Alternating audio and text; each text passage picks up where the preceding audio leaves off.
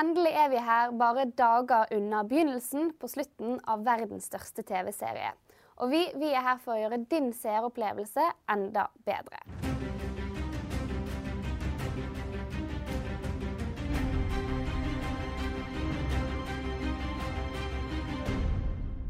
Dette er Tronetid, Dagbladets Game of Thrones-program. Og i dag så skal vi varme opp til den åttende og siste sesongen av Game of Thrones med å bl.a.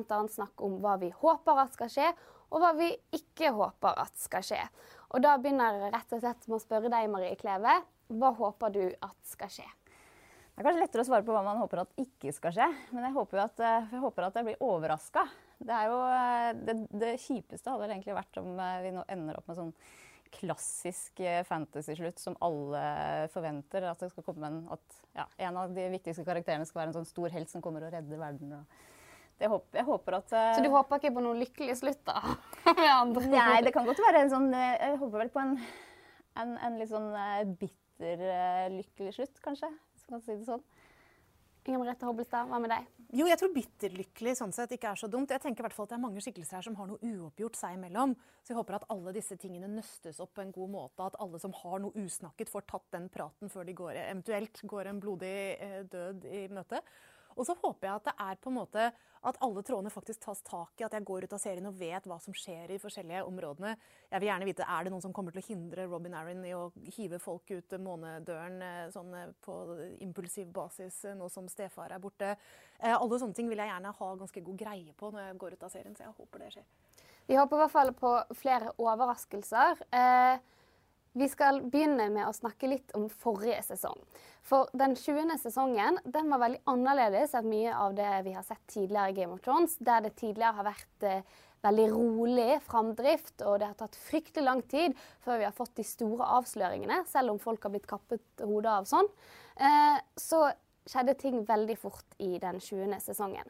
Jeg personlig har litt problemer med sesong 7. Eh, det har du også, Inger Merete. Hva er det som gjør sesong syv litt eh, dårlig, da, i hermetegn? Altså, på en måte er det en klisjé å si det, for det er veldig mange som har sagt det, at dette var en sesong som hadde problemer med tiden.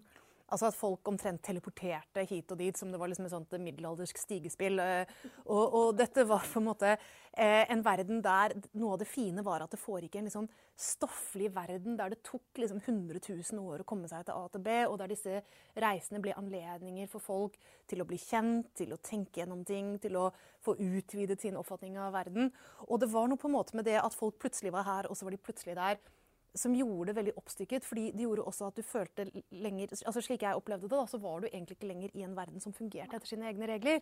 Du var på en måte i et narrativ der noen trengte at person A var på punkt B til et visst tidspunkt. Litt mange raske løsninger kanskje på ting, da. Ja. ja.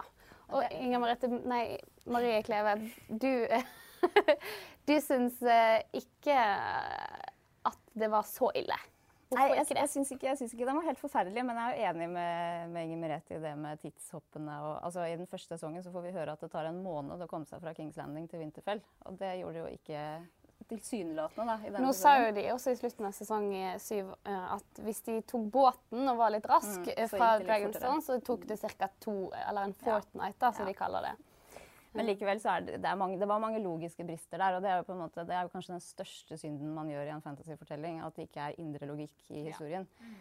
Eh, men likevel så tenker jeg at vi må, vi må, på en måte svelge det litt, da. Jeg, jeg ser for meg at hvis, eh, hvis, det nå endelig kommer eh, disse to siste bøkene i fantasyserien, så, så vil det bli en bedre forklaring på historien. For det, det, virker som de har fått litt dårlig tid her. rett og slett. At det er veldig mye som må knytte sammen eh, på kort tid. Og, og, da blir det en del sånne snarveier. Og samtidig som det er en, bærer jo preg av å være en litt sånn ventesesong ja. som skal legge til rette for den eh, store avslutning som kommer nå.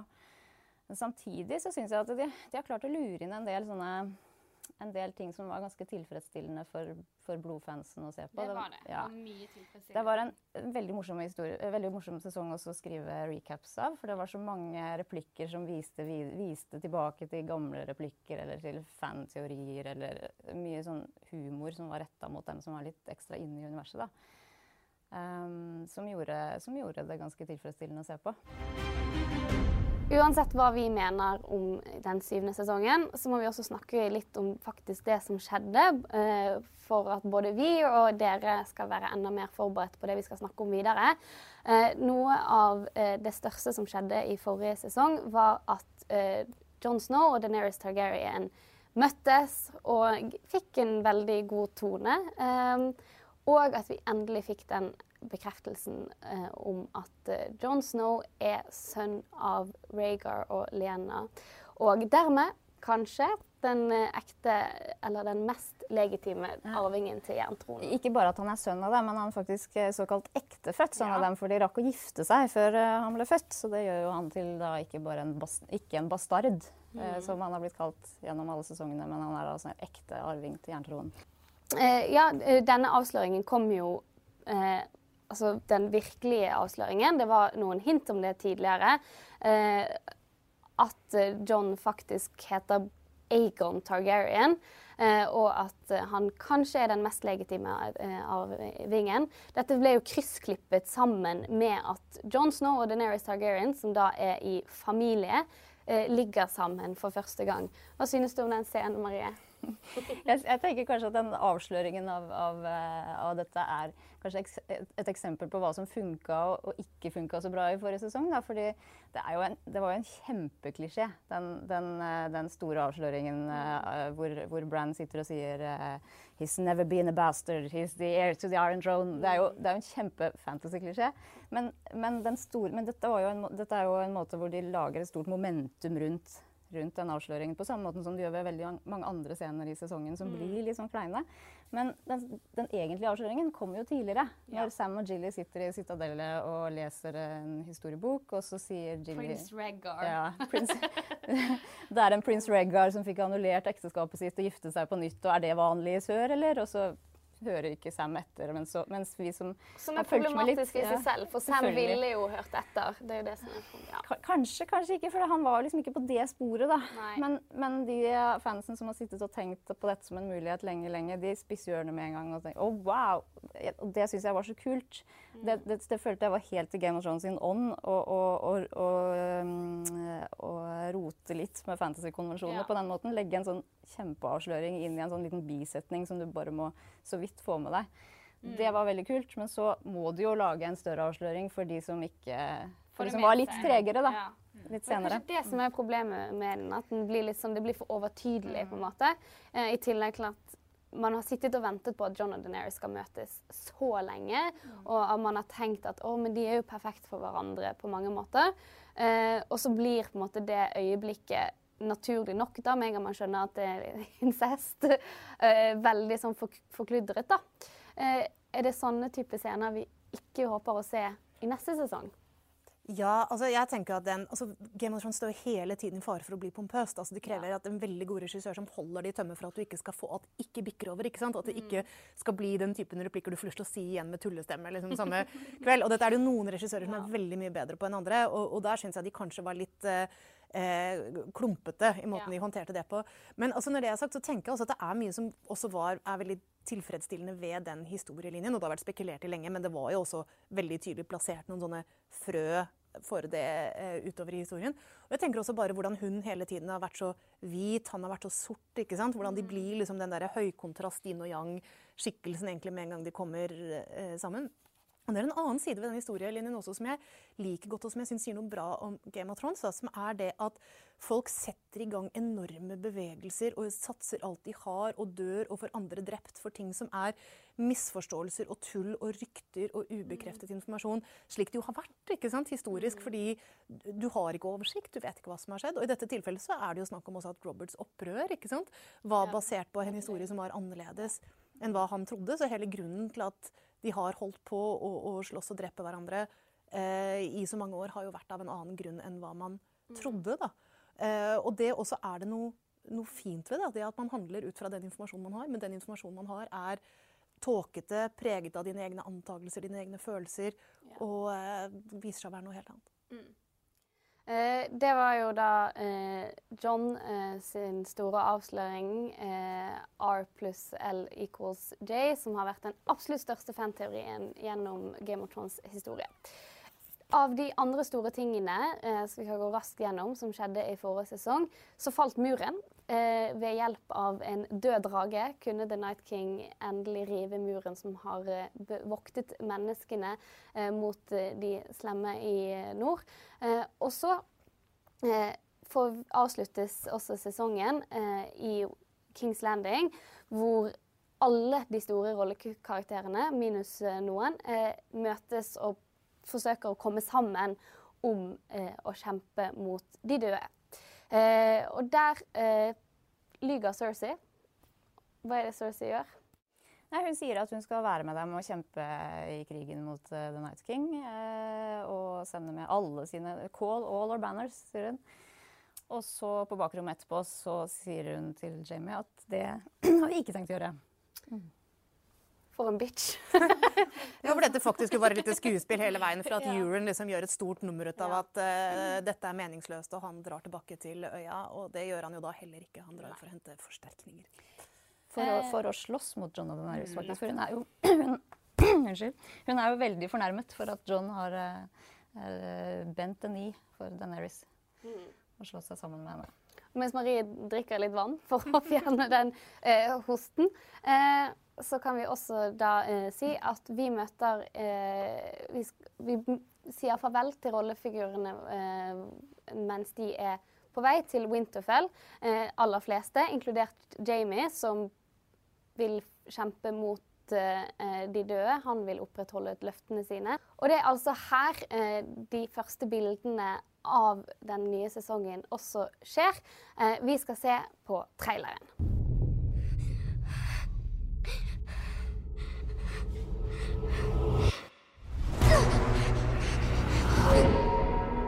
I know death. He's got many faces. I look forward to seeing this one.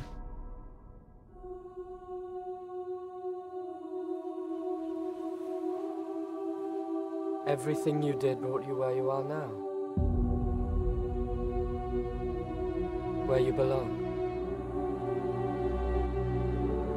Home.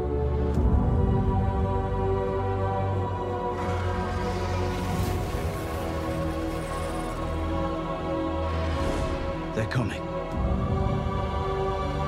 Our enemy doesn't tire. Doesn't stop doesn't feel.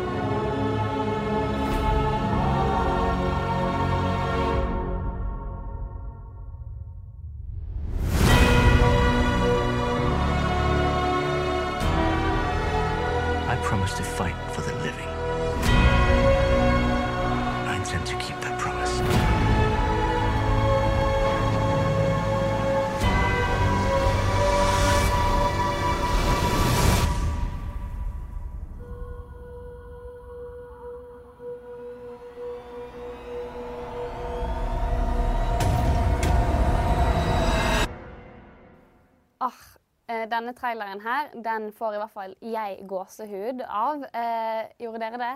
Å oh, ja. ja. Det er jo eh, kanskje på grensen til litt sånn pompø, pompøs, som vi snakket om tidligere. De stanger hodet mot den pompøse veggen ganske ofte. Men herregud, det er storslått. Eh, og det er spekkfullt eh, med hint om hva som skal skje videre. Eh, vi begynner bare kort med Aria. Hun er den første vi ser i traileren. Eh, og hun er sier at hun gleder seg til å møte nok et ansikt eh, til døden. Eh, men eh, så ser vi også at hun er ikke så veldig tilfreds i en situasjon hun har befunnet seg i. Hva er det hun er redd for, Marie? Det er jo det vi må lure på. da. Det ser jo ut som hun løper skrekkslaget rundt i, i krypten i Winterfell. Antageligvis er det der hun er. Er det noen levende døde hun springer fra? Det, det kan hende. Uh, det som jeg syns er kult med den, den biten av, av, traileren, er jo at den, den, bringer tankene litt tilbake til den aller, aller første episoden, eller den første, første sekvensen i, i, hele Game of Thrones, syns jeg. Ja. Som var kanskje, jeg syns kanskje at den første episoden i serien er den aller skumleste noensinne. Eh, den, den, har, den, bygger på en del sånne, skrekk, eh, sånne skrekkvirkemidler som først, Ja, da vi, da vi, møter The White Walkers for aller første gang. Eh, jeg får litt den samme følelsen av den traileren. Uh, den føles som en sånn, sånn skrekkfilmsekvens, da. Mm. Og det er veldig spennende. Um, men hun er, i, hun er, jo i, krypten i Winterfell, og der vet vi, der ligger alle de døde, tidligere døde Stark-lordene begravet. Mm. Og døde mennesker som ligger begravet, og så kommer White Walkers og The Night King. Hva er det som kan skje da? Får vi se skjelettet til Ned Stark? Uh... Det er jo veldig nærliggende å tenke uh, at det er noe sånt. At det er noen, altså Grunnen til at hun som jo ikke har så, til vanlig er så nervøs av seg, uh, på en måte møter noen som også er noen hun har eh, nær, et nært forhold til fra før. Eh, men jeg tenkte litt da jeg så det første gang, men altså, hvis vi er i krypten i Winterfell, og det er vi vel, eh, så er det jo det som er nærliggende å tenke på.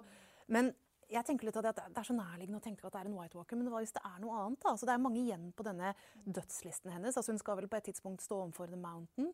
Vi har vel ennå ikke sett ham helt sånn i sin uh, udøde velde, hvor uh, truende han kan uh, være. Ja. Det er skikkelser Arja skal stå overfor ennå, da, som kanskje kan føre til Samtidig så, så, klarer jeg ikke helt å tro at hun hadde blitt så redd av noen av de som Nei. står på listen hennes, som hun har forberedt seg gjennom så lang tid på at hun skal ta livet av. Mye det må være noe, mer, må være noe litt mer uventa, tenker jeg da. Og da en, en, en uh, udød Ned Stark som kommer etter henne, det, hadde jo, det kan jo kanskje skape en sånn reaksjon, da. Vi skal bruke litt mer tid på uh, Krypton i Winterfell, som har fått veldig stor betydning egentlig gjennom hele sesongen. Uh, noen av de første scenene i hele uh, Game of Thrones foregår i The Crips of Winterfell. Uh, og der er det mange store men mennesker og tidligere konger som ligger begravd. Uh, og det er, florerer av fanteorier om hva annet som også kan ligge der. Og en av de første teaserne til sesong, sesong 8 den viser at John og Sansa og Aria de er nede i eh, krypten. Og så kommer vinteren inn. Og, eh, ganske sånn guffen eh, vibe på hele den greien. Eh, hva er det det kan tyde på, tenker du, Marie? Nei, det mest åpenbare er jo at er, nå, kommer, eh, nå, kommer, de døde seg her til Winterfell. Nå mm. kommer, nå, nå kommer, kommer, nå kommer vinteren, rett og slett. Men de kommer jo ikke først ned i krypten. Nei, de gjør jo ikke det, men krypten er jo på en måte et symbol på Winterfell. Ja. Eh, så, så, sånn kan man jo lede. Man kan, mm. all, mange av disse teaser-trailerne kan jo leses veldig symbolsk. Eh, mm. Så jeg tenker at det er en måte å se det på. Men, det, men så kan det selvfølgelig også hende at det symboliserer at nå kommer nå kommer denne magien til The Night King inn og skal reise opp igjen alle de som ligger begravet her nede. For eksempel. Men man, man, kan også tenke, altså da hvis man tar vint, altså det vinteren som kommer veltende inn litt sånn ut av ligningen for et øyeblikk altså det at Hvis man tolker det symbolsk, da, så er jo også krypten sånn, et symbol på at du er en, et ledd i en kjede. ikke sant? Altså Du er forlengelsen av den slekten, du er arvingen, du er på en måte forvalteren av Winterfell, av alt det som er knyttet til The North. Og nå har det vært snakk mye om, mye om, det når det blir klart at John er den han er. Hvordan kommer Denaris til å reagere, mm. nå som de har jo funnet hverandre på den måten de har. Men jeg er veldig spent på hvordan Sansa kommer til å reagere. fordi dette gjør jo mm. også noe med hvem som kommer til å forvalte den arven videre. ikke sant? Hvem er det som mm. egentlig skal ta over eh, og, og, ha oversikten over, eh, over, The North da, fremover? Mm. Og dette gjør jo at søsteren hans som står der, eller Diana trodde har vært søsteren hans, da, har jo plutselig en helt annen rolle eh, i den fordelingen eh, der. Så det også kan man jo lese inn i det hvor de står der overfor sine forfedre og nesten skal, må fordele dem på nytt. Mm. Det er mye fokus på ansiktsuttrykket til Sansa i ja. flere av trailerne. Mm. Uh, og det ser jo ikke helt fornøyd ut. Nei. Mm. ikke det. og det har jo vært lagt opp til det har vært en spenning mellom dem allerede. ikke sant? Fordi ja, ja. han stakkars naive John jo, jo, gjør noen ting iblant som han kanskje ikke ja, da han, gjøre. Da han bøyde kneet for Daenerys f.eks. Ja. uten å spørre Sansa hva hun mm. syns. og det, Hun ble jo ganske Hun var ikke så happy da. Nei, hun var ikke det.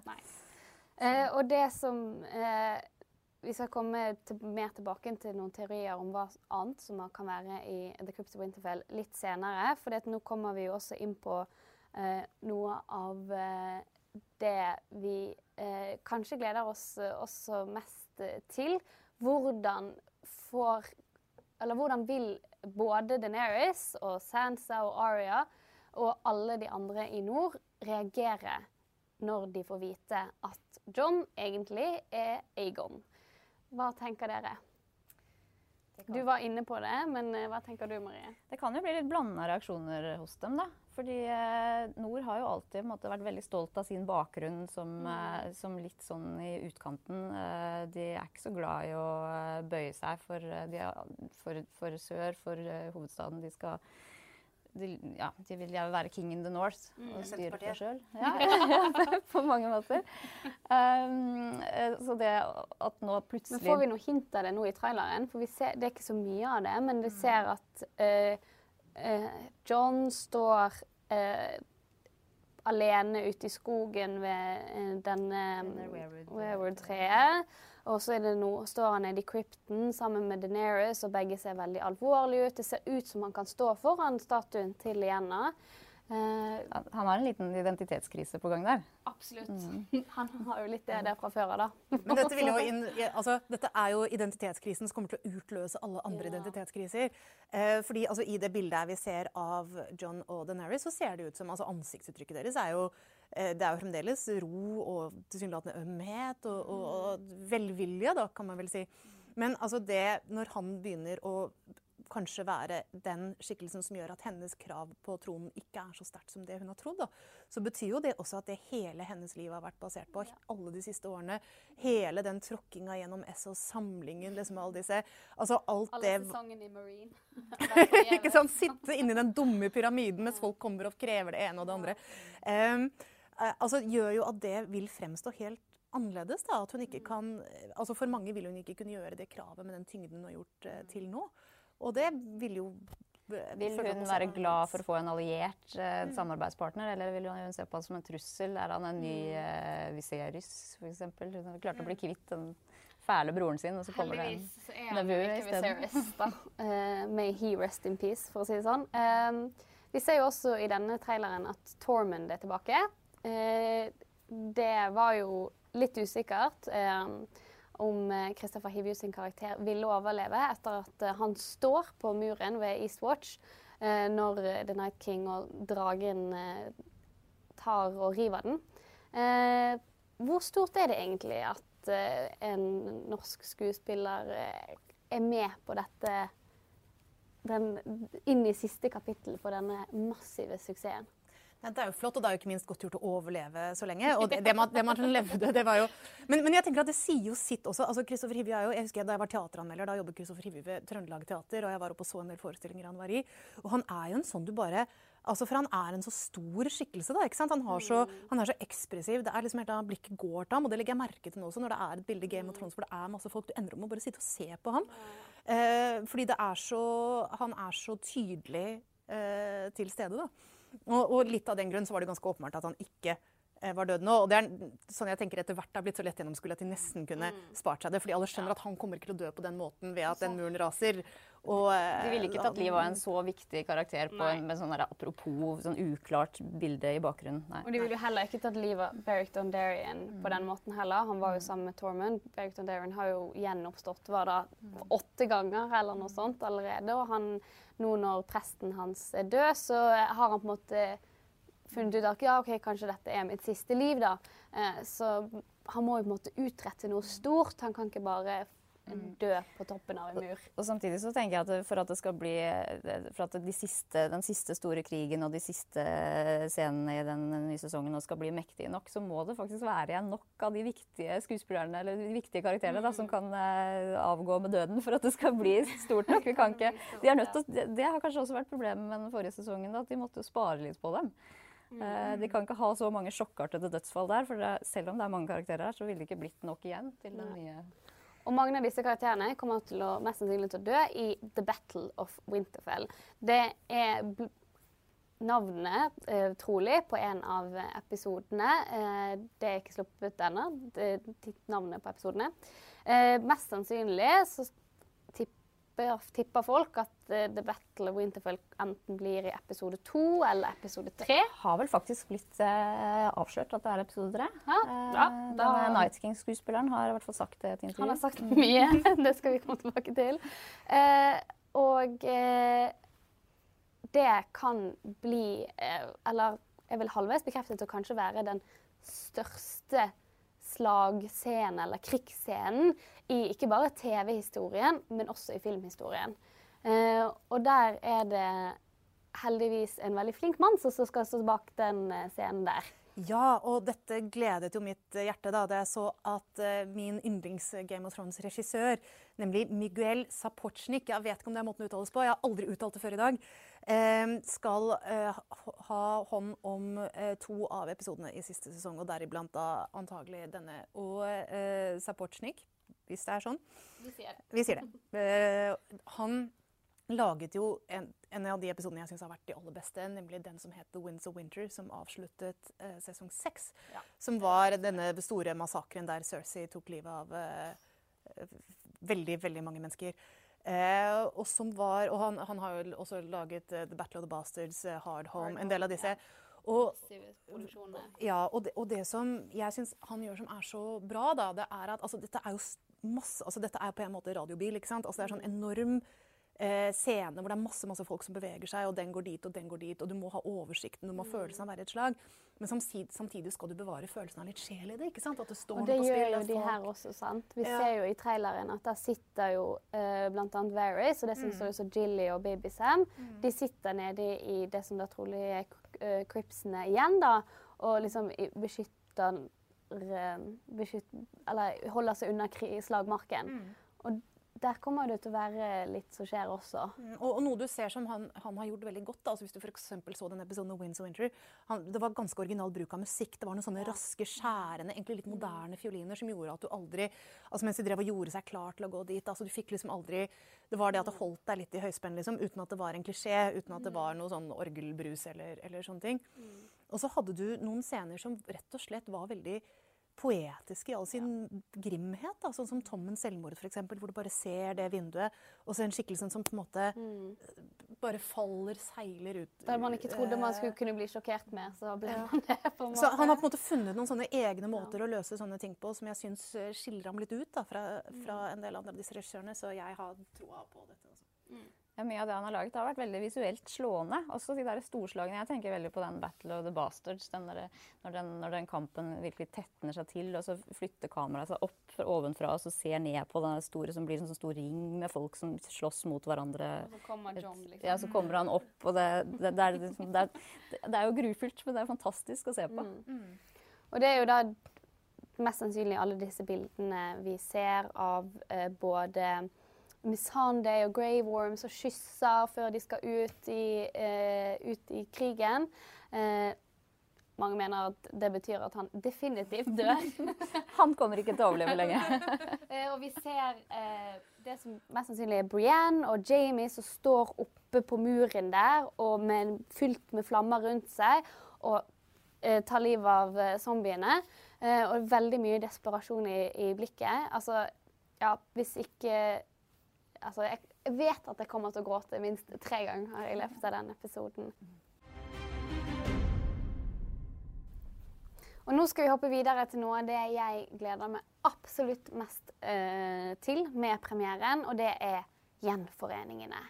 Altså, det er så mange av disse karakterene som ikke har sett hverandre til siden typ sånn episode to, sesong én. Eh, blant dem så er det i hvert fall John og Aria som eh, hadde et veldig rørende farvel, hvor John ga Aria needle, og det var en lang, lang klem. Eh, han har trodd at hun har vært død i mange år, og nå skal de endelig møtes igjen. Eh, er det bare jeg som gleder meg til dette?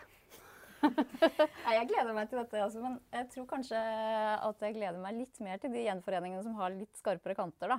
Eh, det, ikke, det, kommer til å bli mye kos og rørende scener og sånt, men det er jo noen, er jo noen uh, gjensyn her som ikke kommer til å bli så hyggelige. Hva, hva er det som skjer når Bran møter Jamie ja, igjen for første gang? Ja, ja, siden... Nå må jeg stoppe deg, for uh, sist uh, Bran og Jamie møttes, så skjedde jo dette. How old are you, boy? Ten. Ten.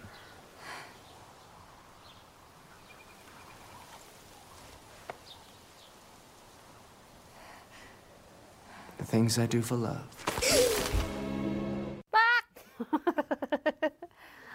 Den sjokkerende avslutningen på pilotepisoden av Game of Thrones endte jo sånn. Uh, ja, hvordan tror vi dette går? Åh, den scenen der, den var, den var noe som holdt på å få meg til å avskrive hele serien. Da hadde jeg ikke lest noen av bøkene ennå, faktisk. Jeg begynte med å se den først. det ble for mye. Den, det, ble, det ble for mye. Altså, jeg, jeg var mor sjøl jeg så det. Og at de skulle drive og drepe barn. Jeg trodde han kom til å dø, da. At de skulle ja, drepe barn på den måten. Det, det var så vidt at jeg nesten ikke så neste episode. Tenk om jeg hadde stoppa der. Men ja. Eh, nei, jeg tror egentlig at eh, det kanskje ikke kommer til å gå helt som vi tror. Fordi Brann har jo mange ganger sagt at han er ikke Brann lenger. Nei. Han er uh, The Three-Eyed Three-Eyed Raven nå. Uh, så jeg tror kanskje at han ikke egentlig bærer så mye nag til Jamie for dette som vi kanskje ville trodd at han gjør. Men Han er slett hevet over det. Han er hevet over sånn liv og død og bare sånn på, Ja, på ja. det, på det Han er en nivået. datamaskin, på en måte, mer enn et menneske. liksom. Men jeg tenker at det er noe som virkelig kommer til å bli en utfordring. Da, fordi eh, det med at eh, Bran nå er noe annet, og at han ser alt, altså det gir jo på en måte serieskaperne mulighet til å misbruke det i alle retninger. ikke sant? Hvis noen trenger å vite noe, så kan de bare plante det på en måte i Bran. Så nå tenker jeg at nå har de fått et mektig våpen, og nå gjelder det ikke å misbruke det. Litt som en drag, egentlig. Ja, jeg er i hvert fall også veldig spent på dette møtet her. Ehm, eh, vi har vel fått bekreftelse på at Brann i hvert fall husker, nå husker at det har skjedd. da. Eh, han gjorde ikke det med en gang han våknet. at det var, eh, Han kunne ikke huske at det var Jamie som hadde dyttet han. Eh, men nå vet han jo alt, på en måte. Ja, Samtidig så sier han jo til eh, Han sier vel til Sam i forrige sesong at uh, jeg husker hvordan det, var, hvordan det føltes å være Brann, men jeg husker ikke så mye mer. Men han husker nok dette. Han gjør nok det. Yeah. Spørsmålet er hvor mye han bryr seg. Forhåpentligvis ikke så mye. Vi har jo utrolig nok blitt glad i det rævhålet som dytter en tiåring ut av vinduet. Vi har jo blitt glad i Jamie etter hvert. Eh, han har jo ish riktig hjerte på riktig sted. Eh, og blant andre eh, reunions som jeg kanskje gleder meg en, enda mer til, så er det Sansa og Tyrion. Et uh, ulykkelig ekteskap uh, som kanskje ikke var så ille likevel. Um, hvordan tror dere at uh, Sansa vil reagere når hun møter Tyrion?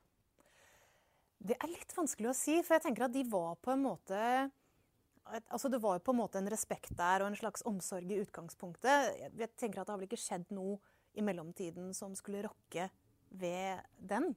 Eh, Det som eventuelt har skjedd er at Hun har jo blitt mye mer verdensvant, og han har på en merkelig måte blitt litt mindre verdensvant. For han har jo tatt noen litt vinglete eh, avgjørelser siden sist. Så kanskje at, at de snakker jo ut til vil jo snakke med hverandre ut fra eh, et, et ulikt sett av erfaringer da, nå. Plutselig så er de jo litt mer på samme Mm, nivå. ja. Hun var jo et barn da de ble gift, som han følte at han måtte passe på.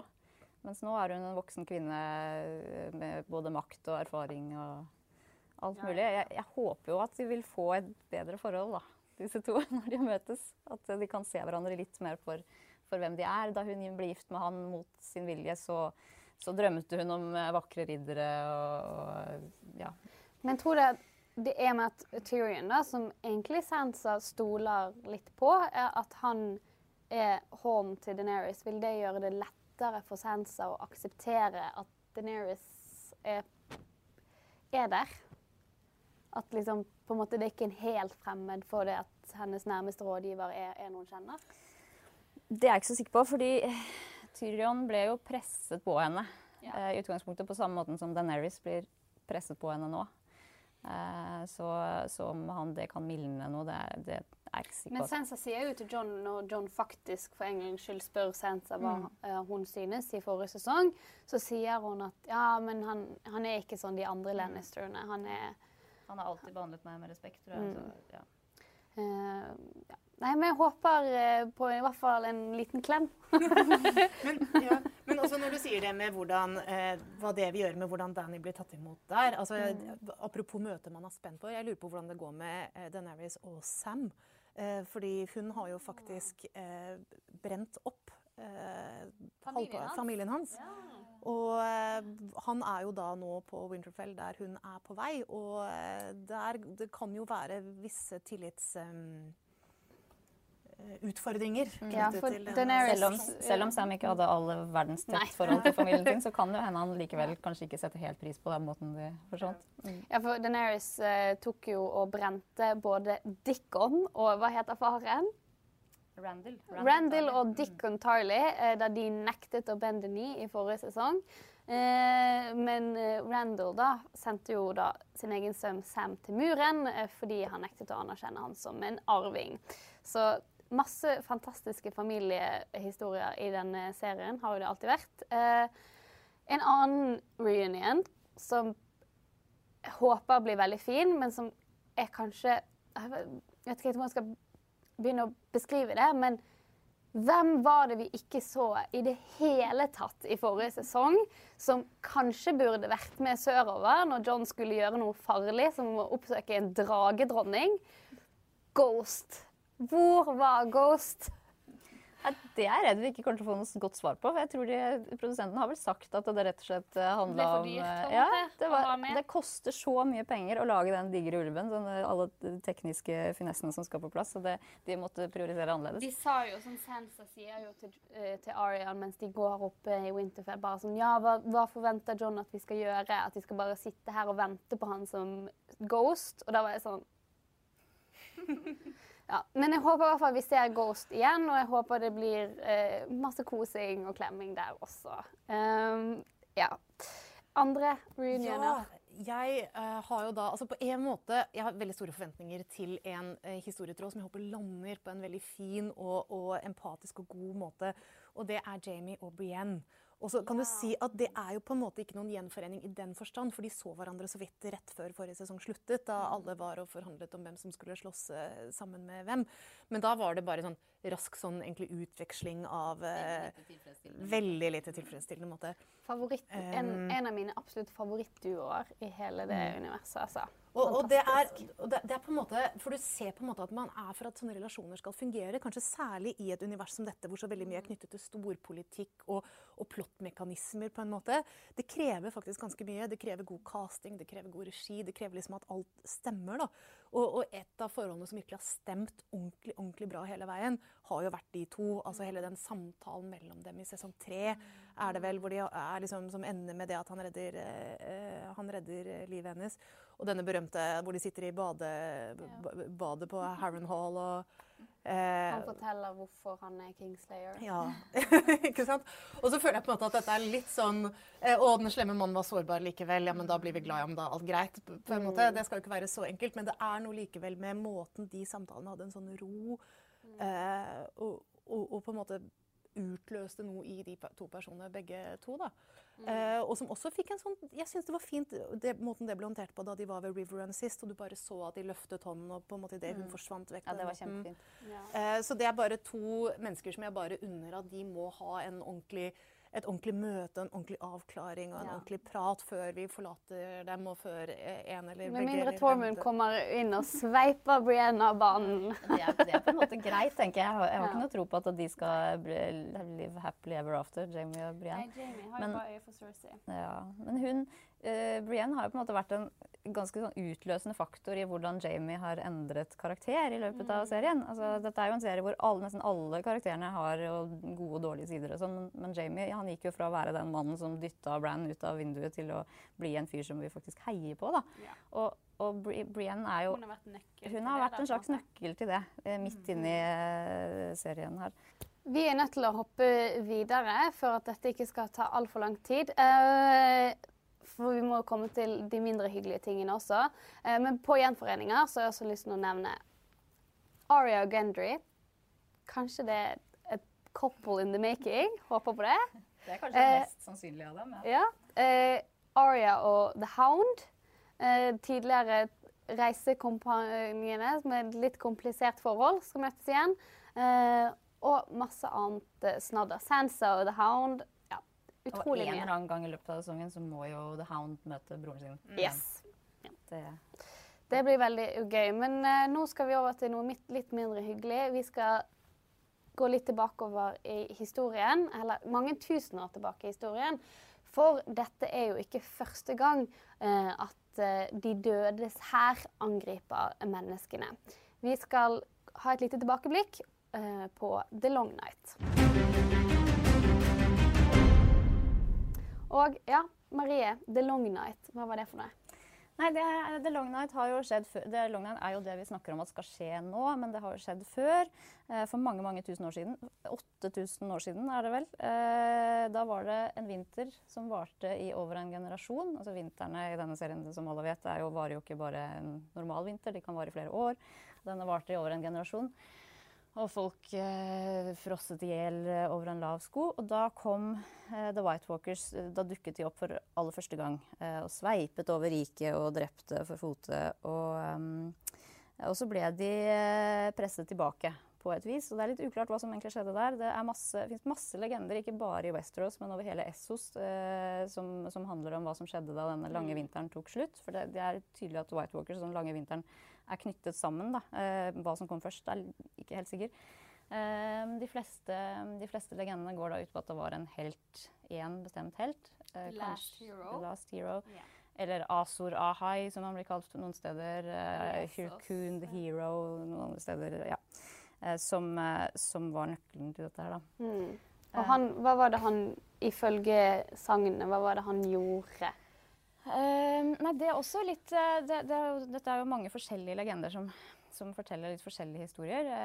Uh, I Westeros så sier vel de fleste at han dro ut på leting etter The Children of the Forest.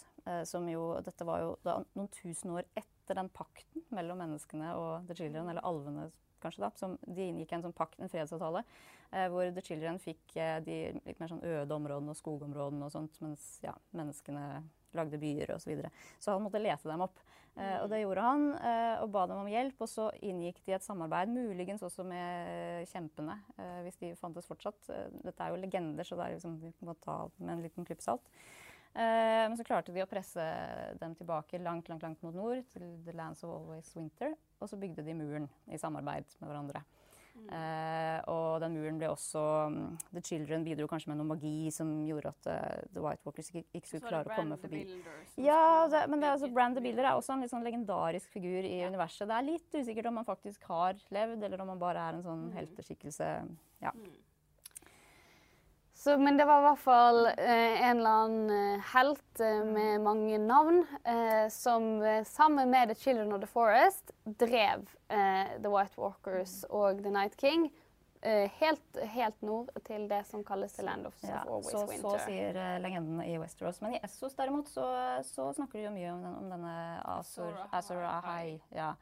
Eh, som da nå Melisandre tror at skal bli gjenfødt. Mm. eh, og, eh, I form av The Prince That Was Promised. eh, som skal bli en ny Azor Ahai. Og Azor Ahai var veldig kjent for eh, dette brennende sverdet sitt, Lightbringer, som han da drepte. Mm. Vi har jo sett noen brennende sverd. Berit Darien det. Mm. Dondarrion og Taurus of Myr, men kanskje ikke det er det riktige brennende sverdet? Nei, det er jo litt med at disse røde prestene er veldig glade i brennende sverd, da, fordi denne helten deres hadde det. Så, Eh, og det bringer jo oss da Takk for en uh, fin historiefortelling, uh, Marie. Det uh, tar jo oss da videre til hvordan i all verden skal det være mulig å ta liv av The Night King? Han virker jo så å si ustoppelig, og nå har han i tillegg en drage som ikke kan dø. Um, ja.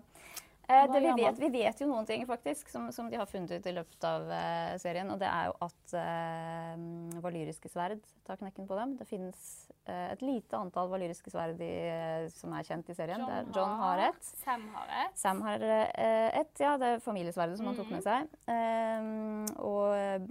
Brienne, Brienne, Jamie og Brienne har hvert sitt. Det var jo det, var jo det derre Stark-sverdet Ice ble jo delt i to og smeltet om til to ulike sverd som de nå har hvert sitt av.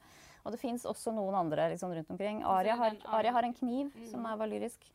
Um, men så i tillegg til det så vet vi at også drageglass, eller dragonglass, kan, kan uh, også drepe dem. Og det fins det jo også litt av her og der. Det har de hentet masse i Dragonstone, og vi ser også i traileren at Gendry står og smir, og det er mest sannsynlig våpen av Ja. glass han driver og I, lager. I bøkene så, så fortelles det at for at man skal kunne smi om eh, et val valyrisk stål eller lage nye sverd av det, så, så kreves det en sånn veldig spesiell kunnskap som bare fins ett sted i Essos. eh, Eller det fantes i det gamle Valyria, og så er det en by i Essos da, hvor de har videreutviklet eller holdt på denne kunnskapen.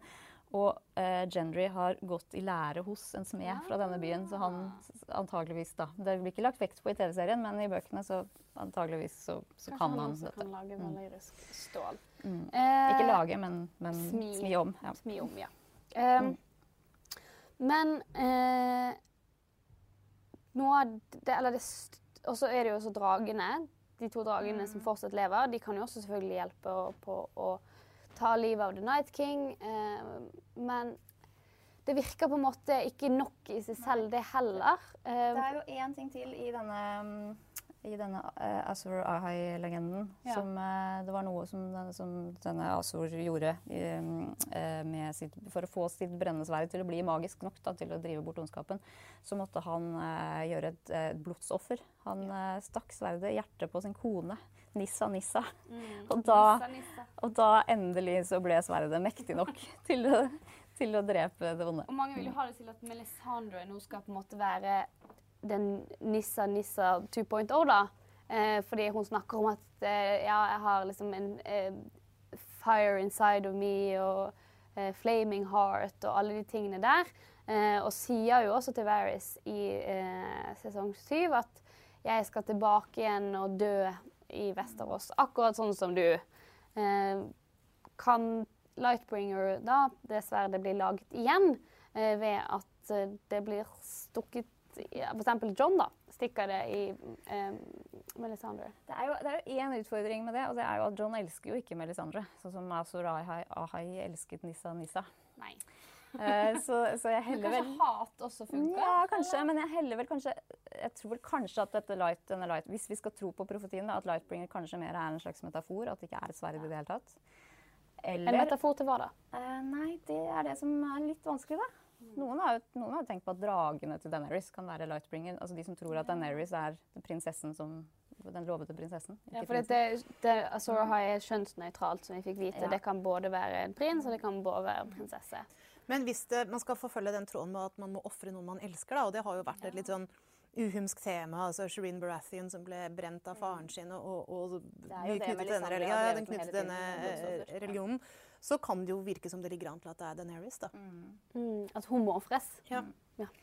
Og det er jo eh, også en, blant teoriene at eh, kanskje det er barnet til eh, eh, John og Daenerys. Eh, de lå jo sammen eh, i siste episode. Og selv om Daenerys sier at nei, jeg kan ikke få mer barn, så sier jo han bare sånn Hvem sa det? Det var- heksen som tok livet av mannen min. Så bare sånn Kanskje ikke den mest reliable kilden. Det kom en vits fra John Snow. Det har jo aldri skjedd Det var, før. så var det så ekstremt mye fokus på dette Mm. med barn. gjennom ja. Det kommer en baby. Ja, det, det virker jo litt sånn, da. Og kan denne babyen eh, være løsningen, da? Kanskje det er Azor Ahai eller The Last Men Hero? samtidig skal vi bruke så mange måneder på disse siste seks episodene. Det Ja. virker, litt, det virker litt spesielt, det òg. Ja, men vi kan jo sitte igjen med to babyer, faktisk. Altså, som, eh, Som slåss mot hverandre igjen. Baby-battle på slutten om ja. makten. Mm. Altså fra Cersei og, og Daenerys. Ja, og Cersei hvem også. som nå ellers måtte finne på å begynne å avle. Mm, Dårlig tid eh, å få barn på. Eh, men hvem Hva er det egentlig The Night King vil? Fordi at eh, Vi skal gå litt eh, tilbake. Eh, vi skal se et eh, eh, eh, klipp eh, hvordan eh, The Night King blir, ble laget. Det fikk vi vite i sesong fem, eh, hvor Bran og den daværende eh, Three-Eyed Raven eh, er tilbake igjen mange mange tusen år eh, i tid og ser at The Children of the Forest eh, de eh, lager The Night King. Se på dette.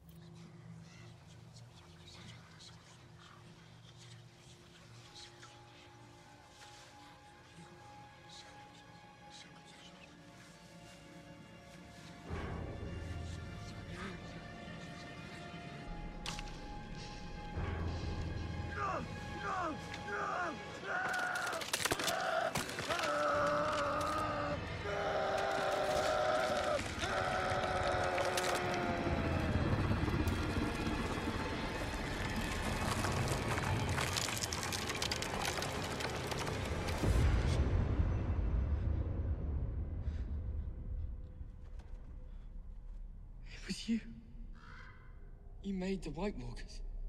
We were at war. We were being slaughtered. Our sacred trees cut down. We needed to defend ourselves. From whom? From you. From men.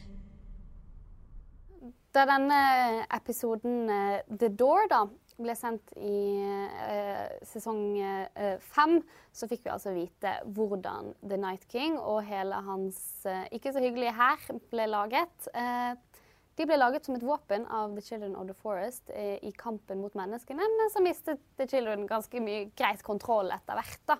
Ehm, men har på en måte da The Night King på en måte en egen vilje? Det som, det som er litt rart her, er jo eh, at de, The Night King og, og White Walkers de, de, jo, de dukket jo ikke opp og ble en sånn stor trussel mot uh, Westeros før to, jeg tror det er 2000 år etter at de ble skapt av The Children. Så hva det er som er årsaken til at de kom da, det Hvorfor kommer de igjen nå? Nei, ja, det henger jo helt sikkert sammen, og det er det ingen som egentlig vet. Er det bare fordi det kommer en stor vinter, og da dukker de opp?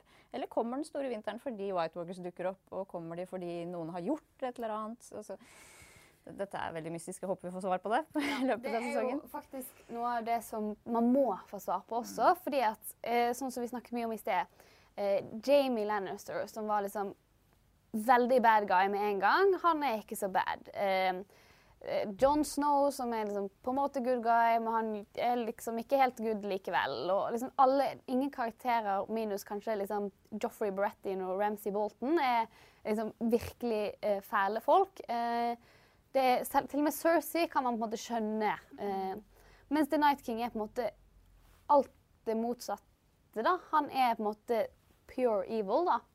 Han eh, eh, skal bare utslette menneskeheten. Og det blir ikke det på en måte litt for enkelt? Han ble jo skapt som et våpen som, skulle, som hadde ett formål, og det var å utslette menneskeheten. Men så har han jo også drept uh, children, har vi sett, så han tar jo sine skapere også. Eh, men det som noen, som mange lurer på, da, en, en ganske stor fanteori nå, er jo om han da ikke styres av seg selv, egentlig, men om, av en annen sentral karakter i universet. Og hvem er det? Det er da Bran, er det mange som tror. At sitter inni hodet på, på The Night King på et sånt rart og mystisk vis. Dette er, en ganske lang og innviklet Ja, fanteori. for det, er- det, det er jo den måtte, Det er veldig mange forskjellige varianter av liksom Bran er The Night King-teorien. da. Eh, og liksom at han At Bran på et eller annet tidspunkt drar tilbake til den, episode, den scenen vi akkurat så nå. Og så eh, har vi jo sett at han i tilbakeblikk kan warge inn i folk, og det gjør han da på en måte Kanskje han ikke kan warge inn i The Night King nå når han er død, men kanskje han kunne gjøre det da han levde. Øh, ja. Før han ble skapt. Altså, det er mulig at Bran kanskje tenker at jeg er den eneste som kan redde verden, jeg, og, derfor reiser han mange tusen år tilbake i tid til før The Night King ble The Night King. Altså da han var en vanlig eh, men, menneske i Vesterås. Es- Vi aner ikke hvem han var før han ble Og han kunne, mange mener også at The Night King var en Stark. Ja, Ja, kanskje. kanskje. Ikke umulig. Ikke umulig. Eh, men eh, det vi i hvert fall vet, er at The Night King vil, eh, det er at han skal i hvert fall drepe noen. Det har skuespilleren som eh, spiller The Night King. Han sier ingenting på skjermen, men han har sagt en god del i et intervju. Endelig fikk han prate. Og da sa han at eh, The Night King skal drepe noen, og at han skal se mer i øynene til Jon Snow. eller noe sånt. Um, De skulle ha et moment. Så, ja. et moment på samme måte som ved Hard Home. Um, kan bare enda mektigere. Hvem er det The Night King vil drepe, da? Altså, vi har jo eh, sett at han på en måte ikke tar livet av eh, enhver. Ja, for det, det mest nærliggende er jo selvfølgelig å tenke Hvis man, hvis man går for den teorien om at uh, John Snow er the prince that was promised, og en sånn klassisk fantasy-tolkning vil, jo være, vil jo være naturlig å tenke det, så er det jo han som er den eh, åpenbare motstanderen til The Night King. Eh, men så har jo The Night King egentlig hatt mange muligheter til å ta livet av John Snow allerede. Yes. Eh, han det- har, ja. Og da skal jeg bare stoppe, fordi um, The Night King uh, gjorde noe i episoden Beyond the Wall i sesong syv som har fått ganske mange fans til å lure hva er det egentlig som skjer her. Se på dette.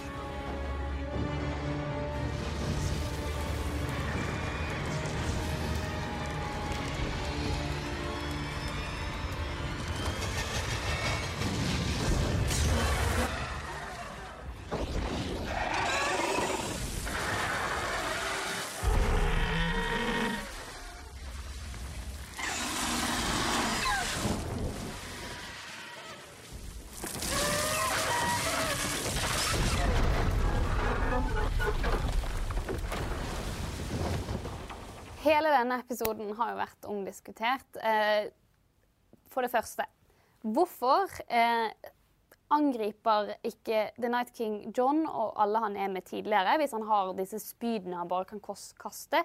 De står jo da på denne øyen i timevis, dagevis. Eh, han kunne tatt livet av dem sånn. Han venter jo helt åpenbart på at dragene skal komme. Og når dragene først kommer, hvorfor tar han ikke livet av Drogon, som vi ser står i ro rett foran han, med type som alle de viktigste menneskene i Vesterås på han? Han tar og da sikter på Viserion, som flyr oppe i fart og er mye lenger unna. Hvorfor det? Det kan være, altså Denne episoden er jo full av en logiske brister. Så Ja. kan, eh, vi kan skrive det på den kontoen for en, en logisk brist som er lagt inn for at handlingen skal ligge videre. Men eh, ellers så kan det være at han rett og slett, det er noen her som han ikke har lyst til å ta livet av. Er det et eller annet med Jon Snow som er viktig for han? Eh, så ikke for å drepe, men for noe annet. Men vi ser jo seinere også et, klipp som kommer like etterpå, som vi ikke ser her. eh, Når Daenerys flyr videre på, på Drogon med alle sammen på ryggen, bortsett fra Jon Snow, så kaster han spyd etter dem og prøver å ta dem. Så det er ikke sånn at han prøver å unngå å drepe Daenerys. Kanskje men- begynt med de, da, uansett. ja, ikke sant? Men etterpå, når han kaster spyd etter dem, så sitter jo ikke Jon Snow Da er jo ikke Jon Snow der. Men, bom, men han traff jo veldig bra på Viserion, og det. som var veldig langt unna, bare på første forsøk, mens han bommet på Drogon, som var mye nærmere også. Kanskje han ikke At jeg prøver å lure ja, dem. prøver å lure det. Altså, sånn, en veldig eh, sentral teori er jo at eh, Bortsett fra selvfølgelig denne her, vi skal hente en, en white beyond the wall for at eh, vi skal vise den til Cersei. Planen er kanskje den dummeste planen noensinne. Eh, Og vi sender massevis av folk vi egentlig ikke kan unnvære. og for å gjøre det. men så er det sånn, hvorfor er Men de Det er veldig veldig kult å se sammen når de går over disse fjelltoppene. og liksom ha sånn guttepreik? Um, Men nei, altså jeg, Dette får vi jo da se etter hvert, men hvis da teorien fra denne siden av bordet er at dette var en hensikt, at det er liksom noen han ikke vil drepe, så da skal jeg legge chipen min ned på at dette er uh, serieskaperkløn. Eh, altså at dette er bare at nei, vi vil men ha det. har for vi vil flere ha muligheter den. til å drepe John underveis. Og hvis han har hatt disse spydene sine, så kunne han kastet det spydet på John ved Hardhome når han ror av gårde. Men, altså, men altså for å si sånn, for jeg, jeg, jo, men jeg var ikke så glad i den sesongen, men jeg tenkte at da, den var full av ideer som ikke var fullt så gode som serieskaperne trodde eh, at de var. Og at man prioriterer ned logikk for å prioritere opp noe annet. da. F.eks. noe som ser flott ut visuelt. sjokkeffekten i den episoden. Det kan hende at de rett og slett hadde tenkt at vi legger ikke merke til eh, alle de logiske bristene fordi det var så utrolig sjokkerende å se den dragen ramle ned i vannet. Ja. Ja, for det er helt åpenbart at de har tenkt at vi må få ta livet av den dragen, på en måte. Mm. Uh, og, og altså sånn Det var jo helt åpenbart at har de levende tre drager og de døde ingen, så blir også spillet veldig skjevt. Og samtidig som dette med isdrager er også noe som har vært nevnt opp gjennom Yes, de bøkene i serien. og sånn at fansen var, Det var jo en ganske stor fanteori også at det skulle dukke opp en isdrage eller en zombiedrage på et eller annet tidspunkt.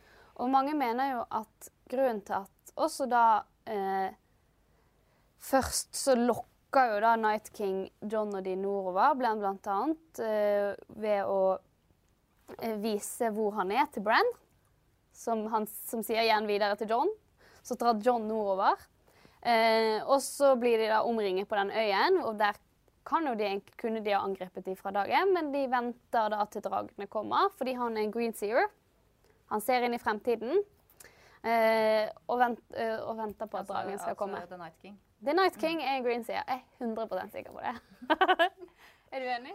Nei, jeg er litt usikker på om han har noe som helst uh, eh, ja, Nei, den, den uh, Jo, men hvis den, hvis den Jeg tenker at Da ville historien vært annerledes. Da, da ville det kommet i spill. Vi ville merket det på en andre måte. Kanskje, men samtidig sånn, spørs hvor langt frem han ser i tid. da, på en måte, Hvor mye har vært long game, på en måte, hvor mye er short game. ja, men hvor, mye, hvor- mye av et menneske er han egentlig, og hvor mye er bare sånn ren instinkt? Jeg skal drepe mennesker. eh. Ja, og, og på en måte kan du si at det ville gjort ham på en måte, altså, Men han er jo ikke akkurat noen sånn det, altså, Man kan vel ikke akkurat si at en Arking er en psykologisk kompleks eh, karakter.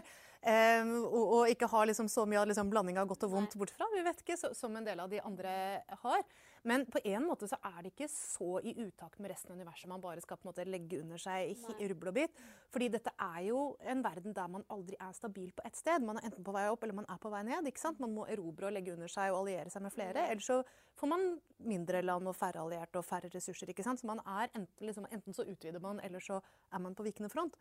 Så det å bare utvide og utvide og rase nedover og ta over så mye som man kan, det er ikke, det er ikke helt ulogisk at det kan være såpass enkelt også. Men samtidig da, så har vi jo nå fått høre at han har, et, han har jo faktisk et mål. Det er Ja. noen han skal Det er noen Det er noen, bestemt, altså én eller flere bestemte som Og han da skal ute har vi utelukket Vi føler det ikke er John eller Daenerys, fordi de kunne han ha drept Beyond the Wall. Men han, det Men det kan, jeg tenker at det kan være Daenerys fortsatt, for han gjorde et forsøk. Men jeg tror, jeg tror virkelig ikke at det er John. Altså. Det er Bran. Det er kanskje mest sannsynlig, ja. som kanskje er den største trusselen til hans eksistens, det er Bran. Han er jo en av de eh, mektigste eh, magiske menneskene i hele verden. Eh, han har eh, Vi har sett at han har overgått eh, Disse warging-kreftene hans har overgått veldig mye av det man har snakket om, i hvert fall at andre kan gjøre.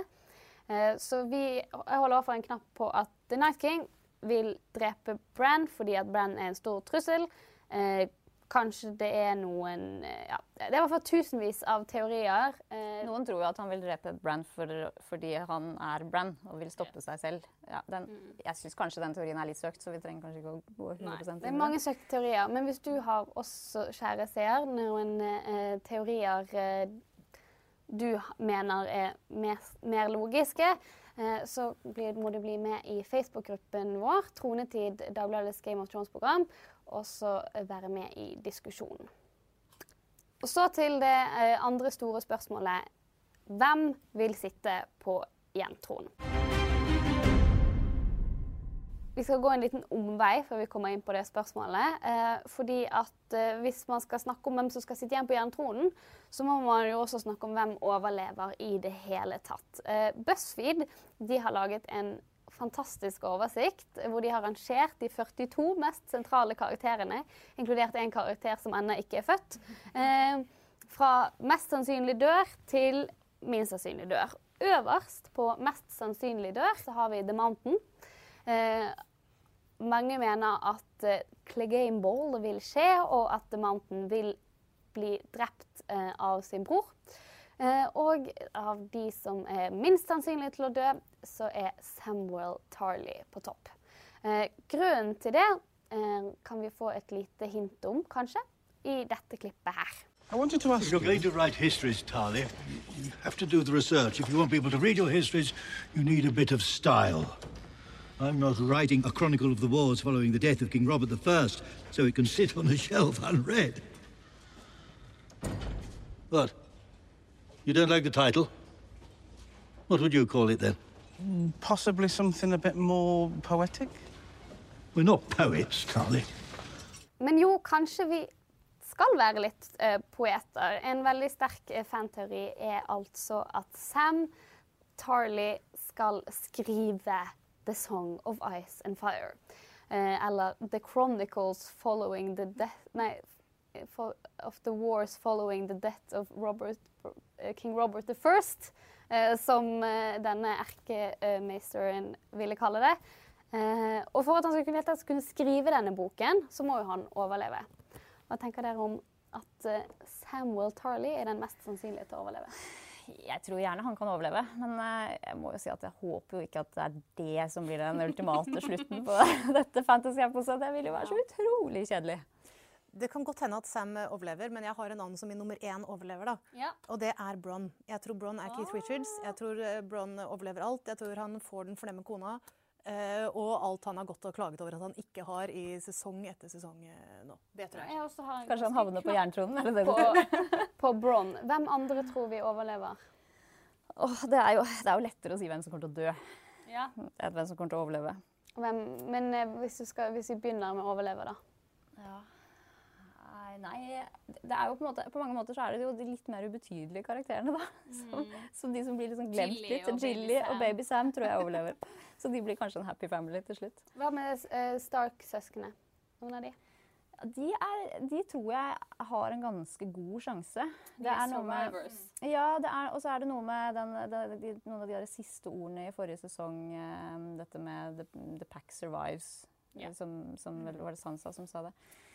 The Eh, long when yeah. winter comes and annet. Ja. The lone wolf yeah, The Lone dies, Wolf dies and the, pack, pack survives. survives. Ja, og nå Ja. ser vi jo at de er i ferd med å bli et pack igjen. Og, ja. Og så kommer de for at eh, broren deres egentlig er fetteren deres, da, så det blir Ja. kanskje litt sånn dårlig stemning. Jeg tror iallfall uh, at Sansa overlever. Jeg er litt mer usikker på Arya. For jeg føler at der er det en sånn dialog og dans med døden hele tiden. Da, og alt det hun skal. At det er på en måte Hvis det er en skikkelse som dør i en eller annen kampsetting, da, så vil det kunne være henne. Men Sansa, hele hennes historie er så mye av en sånn overleverhistorie at jeg tror at hun sitter igjen på slutten med en eller annen, en eller annen posisjon. i hvert fall. Så tar vi Lannister-søsknene. Der Cersei og Jamie er jo forutbestemt å dø, begge to. De dør. Det er ganske åpenbart. Og hvordan dør de? Cersei skal jo bli tatt livet av av en lillebror. Det har hun fått høre da, siden hun var ganske ung, at, mm. i en profeti. Jeg tror veldig bestemt at Jamie kommer til å dele Cersei. Og jeg tenker at det har de bygget opp til det der hele altså, veien. henne, ja. Ikke sant? At det med at han på en måte, hele hans på en måte løsrivelsesprosess eh, fra henne da har vært en av de virkelig sånn bærende sånne brede flodene gjennom hele, eh, hele historien. Og med den profetien som ligger der, Ja. og med at hennes eh, mistanke mot Tyrion er en åpenbart blindspor. ikke sant? Det er en sånn vink for at det skal være den andre. Så det, det ville overraske meg veldig om det ikke skjer. Det er jo sånn at i eh, første eh, Eller i begynnelsen av sesong fem så får vi se et tilbakeblikk. eh, Et av eh, seriens eneste tilbakeblikk, minus når Bran ser tilbake. eh, av at Cersei og en venninne drar og oppsøker en spåkone, Maggie the Frog, eh, og får stille henne tre spørsmål. Og da får jo Cersei vite at hun skal gifte seg med kongen. Hun skal få tre barn, eh, men ikke med kongen. Eh, og at eh, alle tre barna skal dø, eh, og at hun skal være dronning helt til en ung og vakker, mer vakker eh, dronning kommer og tar over hennes plass. Eh, dette er tatt med i serien. I bøkene så er det én ting til, og det er altså at eh, Cersei eh, vil bli drept av en hva- En, en ballongcar. ballongcar. Som antageligvis da er en lillebror, men det kan også være en lillesøster. Ja. Eh, men eh, Og mange Hun har jo tenkt eh, at uh, for eksempel Nå tenker hun i hvert fall at Daenerys er den unge kvinnen som skal ta Først henne. Først trodde hun at det var Marjorie, Marjorie Turell. Det var jo grunnen til at hun la henne for hat. og eksploderte fullstendig. Eh, og så har hun mistet alle tre barna sine. Eh, og eh, nå er det da bare Tyrion, da, hennes ordentlige lillebror, som kan skade henne.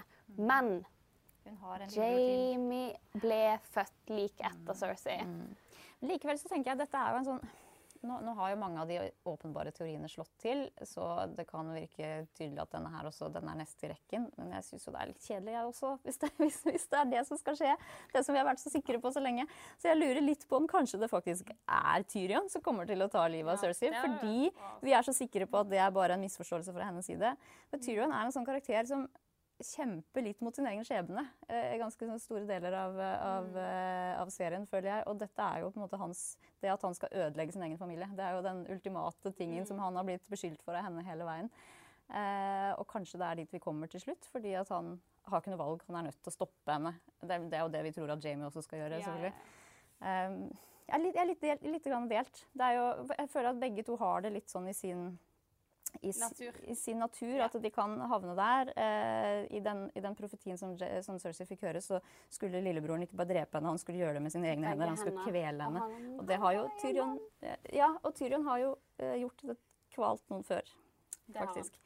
Eh, mens, mens Jamie han har jo også tatt livet av eh, en kongelig høyhet før. Han tok livet av The Mad King. Det er derfor han ble kalt for Kingslayer. Eh, og derfor så virker det ganske naturlig at han nå skal ta livet av hun som er i ferd med å bli The Mad Queen. da. Mm. Og leker med ilden på samme måten som Inger Merete og jeg heier på den teorien. At det blir Jamie. Du håper det blir Tyrion. Jeg, jeg syns det hadde vært litt kulere hvis det ble Tyrion. Det er ikke sikkert, men det hadde vært Eh, mer spennende. Tyrion, da. Overlever han, da? Ja, det tror jeg faktisk. Det håper jeg. For en legende. Håper han får mye mer plass i sesong åtte enn han fikk i sesong syv. Eh, og da Men hvordan ser dere på For en jeg jo ikke tror overlever, er jo Deneris. Det er, Ja. det er jeg enig i. Jeg, tror- Ja. jeg tror hun ryker. Beklager alle som heier på henne, men det Ja, tror jeg er kjørt. to stykker som, det er to stykker som jeg er ganske sikker på at kommer til å dø. Og det er Jod Snow og Daenerys Targaryen.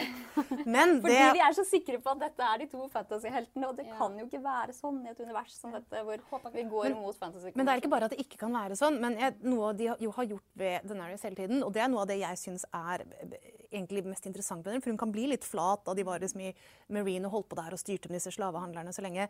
Men det er denne, denne siden av henne at hun hele tiden sier at hun er noe annet enn sin far. Hun skal komme med et rettferdig styre. Hun kan, men så er hun også mot sin egen skjebne. ja, men så er hun jo litt ham, ikke sant? Hun er jo litt, og hun er litt sånn Messias, og at hun er litt blind for det fordi hun er så overbevist om at hennes sak er rettferdig. Men måten hun eh, tok livet av eh, Tarliene, far og sønn Tarli, på, er jo en antydning om at hun også har en sånn eh, la verden og menneskene brenne-side i seg. Da, og at det kan godt hende at hun blir også den gale dronningen, og som rett og slett må hindres på den måten faren hennes ble hindret i å gi etter for dette. Det er veldig mange ekkoer i denne serien av ting som vi har fått vite at har skjedd før, og så, hvor nye karakterer gjør lignende ting. Og blant annet også, det er også en scene der hvor hun snakker med eh, John Snow, og han ser på dragene hennes første gangen, og måten hun omtaler dem på. Han, han kan, hun spør er de ikke vakre, og så sier han å ja, det er vakre monstre. sier han, og sier de er ikke, de er ikke monstre, de er barna mine. Og det er, jo, det er jo den samme måten som Cersei snakket om sine barn, eller kanskje spesifikt av sin sønn Joffrey på hele veien. Hun har ikke sett hans ondskap fordi han har vært hennes sønn. Eh, ja, og Daenerys ser ikke på dragene som de destruktive masseødeleggelsesvåpnene som de faktisk er, da, fordi de er hennes barn. Så, det, det, er, noen likhetstrekk der, ja. Nei, vi, eh, jeg håper jo virkelig ikke at Daenerys blir klin kokos, fordi at eh, jeg liker hun jo. Jeg håper jo på en lykkelig slutt. Eh, men det jeg er ganske sikker på, i hvert fall, er at babyen til Daenerys og John, som, de, som ble unnfanget på båten på vei til Winterfell, den kommer til å overleve. ja. Hvis den blir unnfanget en baby, da. Det er jo ikke sikkert. Og masse hint om det. Det blir en baby. Den skal overleve. Eh, Altså, så I det blir øyeblikket slags- noen sier 'kanskje du kan få barn likevel', så er noen gravide. Det er, eller veldig nær ved å bli det. det Eh, Det er akkurat så såpete at det passer inn i dette det litt, litt vel såpete universet. Det er sant, det. Og da gjenstår også da det store spørsmålet hvem sitter igjen på tronen? Jeg tror jo ikke det kommer til å være noen jerntrone igjen etter dette. Det er også litt fordi det ligger i konvensjonen at vi skal drive og gamble på hvem som skal sitte der. Så tenker jeg at det, hvis det er noen som overlever, så blir det ikke, så blir det ikke sittende på jerntronen. Men jeg tror det kan være stor sjanse for at Tyrion eh, havner ved makta eh, ved veis ende og innfører demokrati. La oss håpe det. Ja. Jeg tror det kommer til å bli en av disse babyene som brennsikkert er på vei, og med eh, Tyrion som eh, regent og som på en måte eh, formynder. Mm. Det hadde vært vakkert. At han passer på babyen til John og Daenerys. Oh, og da får han en familie som har liksom et, da har han ikke bare ødelagt sin ja. egen familie. Og han er jo veldig flink med barn. Minus Joffrey, men han var jo jævlig. Han forsøkte, da. Yes. Og da, før vi runder av nå, eh, så skal vi også gjøre, gi en ny oppfordring om å melde inn, at du skal melde deg inn i Facebook-gruppen Tronetid Dagbladets Game of Thrones-program. Der eh, setter vi pris på alle mulige slags tilbakemeldinger og videre diskusjoner. Vi skal prøve å være med i diskusjoner, vi også. Eh, og der vil vi også hver uke, minus nå, da, eh, av den enkle grunnen av at vi ikke tror noen kommer til å dø i første episode, eh, arrangere dødsbingo. Hvor du skal kunne tippe hvilken tre karakterer som har mest sannsynlig kommer til å dø i den neste episoden, eller eventuelt bli alvorlig skadd. Eh, da er du eh, med i trekningen om kule premier eh, som HBO leverer. Eh, og selv om vi ikke tror, ah, vi har snakket om det allerede, at eh, noen kanskje dør i absolutt første episode, eh, så må vi prøve likevel. Hvem, hvis noen skulle dø, hvem er mest sannsynlig til å dø først? Da må jeg gjøre et sånt resonnement. Eh, og det vi vet jo da at den store kampen om Winterfell den kommer i episode tre. Så alle disse menneskene som skal være med der, vi har jo sett dem i traileren, mange av dem som skal være med der, de kan jo ikke stryke med i første episode. Så det må være noen som ikke er så viktige for, eh, for akkurat den hendelsen. Og da tenker jeg at de som lever litt farlig da, det er de som er på et helt annet sted uh, på, i verden. Og det er jo da Eur- hele Greyjoy-familien. Jeg tror at Eur- uh, Euron Greyjoy uh, kommer til å holde, holde skrivet litt til, men Yara Theon og og Yara, ja, de ja. lever litt farlig. Og så har jeg også tenkt på Bronn, da. Men Bronn, Bron er jo en sånn veldig usikker karakter. Ja, kanskje han overlever helt til slutt fordi at han eh, er en overlever. Eller så kanskje vi kvitter oss med han på et litt sånn Så for, sjokkerende vis. for å stoppe resonnementet ditt, du tipper da tre navn, og det er Yara, eh, Theon og Bronn. Inger Merete? Jeg har egentlig bare et navn som både kan være logisk, men også kan være helt ulogisk, og det er Beric Dondarrion. For selv om han var i traileren, så er det faktisk ikke gitt at alt det vi ser i traileren, er forbi. Og det med, men så kan du si at grunnen til at jeg tenker at Berry kommer til å dø, er jo at eh, ja, nå er du jammen på det siste livet ditt. Åpenbare plantingen av hint om at det er nært forestående. Men det kan jo selvfølgelig også være et hint om at Berry Dondarrion faktisk er den siste som kommer til å stå igjen på slutten, og at det ene livet faktisk kommer til å følge ham inn i alderdommen. Eh, Men eh, enn så lenge så sier jeg Berry Dondarrion. Og jeg sier Robin Erin. Hvor er han? Hva gjør han nå, når han ikke lenger uh, har Littlefinger og uh, Mamma Liza sine brystmelk? Uh, jeg tror han ligger tynt an. Eh, og med det eh, så runder vi av eh, dagens episode. Vi er tilbake mandag med en gang. Eh, eller ikke med en gang. Eh, noen timer etter eh, premieren av den første episoden av sesong åtte av Game of Thrones. I mellomtiden, bli med i Facebook-gruppen. Eh, lik og del og kommenter. Eh, vi snakkes.